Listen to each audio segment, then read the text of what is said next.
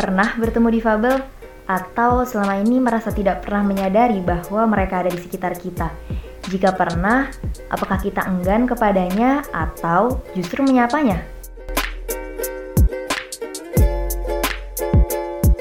Apa itu difabel atau penyandang disabilitas?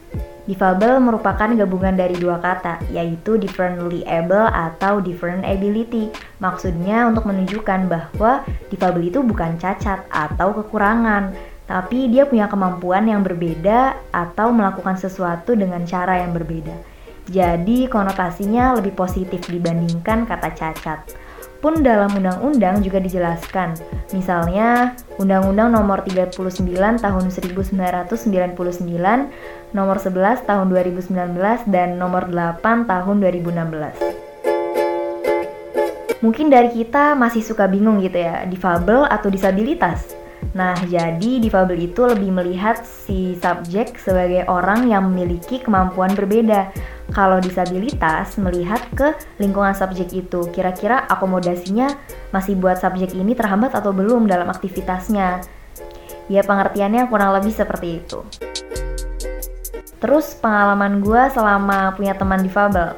Dari awal gue kenal, terus masuk ke dunia mereka, sampai sekarang dari hal yang menyenangkan sampai hal yang menyebalkan semuanya pernah dan overall gue seneng ada teman tuli yang gue harus ekspresif kalau komunikasi sama mereka dalam keheningannya dan lucu kalau kita gagal paham satu sama lain. Teman netra yang asik diajak main musik beberapa juga ada yang humoris. Sampai pernah kesandung bareng pas gue salah nuntun. Teman slow learner yang butuh lebih banyak waktu dan pengulangan untuk memahami sesuatu. Ada juga teman daksa yang harus pakai alat bantu gerak, kursi roda atau tongkat misalnya. Terus gue malah salah dorong, seketika canggung. Ada teman difabel mental yang harus lebih dipahami supaya tidak stres dan tertekan dalam bersosialisasi dan ragam teman difabel lainnya. Di Indonesia sendiri masih banyak hak dalam berbagai aspek yang belum diperoleh sama teman-teman difabel karena selama ini gue lihat banyak dari mereka yang pendidikannya dari SD sampai SMA itu di SLB alias sekolah luar biasa yang lingkungannya bisa dibilang eksklusif. Terus dia masuk ke dunia perkuliahan dengan segala keberagamannya akhirnya dia kultur shock karena belum semua kampus di Indonesia inklusif. Ditambah belum semua dari kita menerima adanya mereka.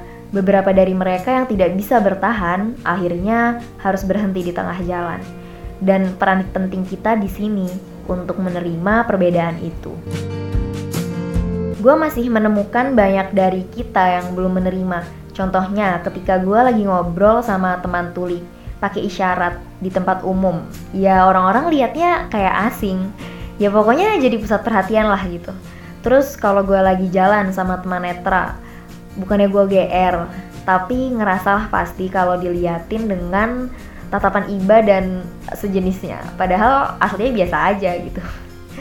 Mungkin penyebabnya karena kita bingung gimana caranya buat bersikap dan berkomunikasi. Tapi gue takut, Vi. Tapi gue nggak bisa bahasa isyarat, Vi. Tapi takut salah sikap, terus nanti tersinggung, Vi, dan tapi-tapi lainnya. Kunci utamanya cuma satu, ya bertemanlah dengan mereka lewat situ kita bakal paham perlahan dunia mereka, komunikasinya seperti apa, sikap apa yang harus dan gak harus dilakukan. Karena gue pun dulu kayak gitu, kenalan sama teman tuli. Ya pede aja ngobrol pakai isyarat yang ala kadarnya. Kalau gak tahu, pakai ekspresi atau spell.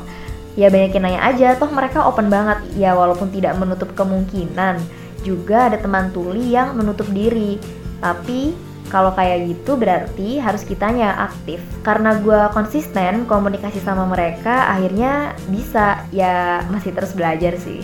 Setidaknya gue jadi tahu budaya tuli, istilah CL, gloss, ada bolak-balik kata dan komunikasi itu jauh lebih berdampak daripada kita belajar bukan sama difabelnya langsung. Gue jadi paham beberapa etika dengan difabel pas gue sama mereka etika menuntun netra yang baik, etika mendorong pengguna kursi roda, etika berbicara dengan tuli, etika jadi penerjemah, dan banyak lagi. Gue mengakui mereka bagian dari support system gue ketika gue lagi ada masalah misalnya yang buat gue kadang down, terus pas lihat teman difabel, gue diem, mikir, kok gue lemah banget? Mereka dengan segala keterbatasannya dan pasti pasti ujian hidup mereka yang mereka arungi itu jauh-jauh lebih berat dari kita. Tapi bisa bahagia, mereka punya daya lenting dan bisa bersyukur. Malah mereka yang nyemangatin gue. Di malu sama diri sendiri. Akhirnya gue belajar jadi pribadi yang lebih kuat dari mereka. Masih suka dengar panggilan buta atau tidak melihat terus juga tunarungu atau tidak mendengar. Padahal itu konotasinya yang negatif dan narasinya jadi seolah ketiadaan, ketiadaan melihat dan ketiadaan mendengar. Iya, emang pada faktanya seperti itu, tapi mereka itu berbeda gitu. Berbeda bukan berarti tidak bisa. Dan sebelum ke akhir ada pesan yang dititipkan dari salah satu teman netra untuk teman-teman non difabel kepada semua teman-teman untuk melihat difabel sama karena yang membedakan hanya fisik. Sedangkan karakter setiap orang pasti berbeda-beda baik itu difabel maupun non difabel ada orang yang humoris mudah tersinggung mudah marah difabel juga sama. Difabel juga manusia biasa seperti pada umumnya. Jadi jangan pernah takut untuk menyapa dan menerima kami katanya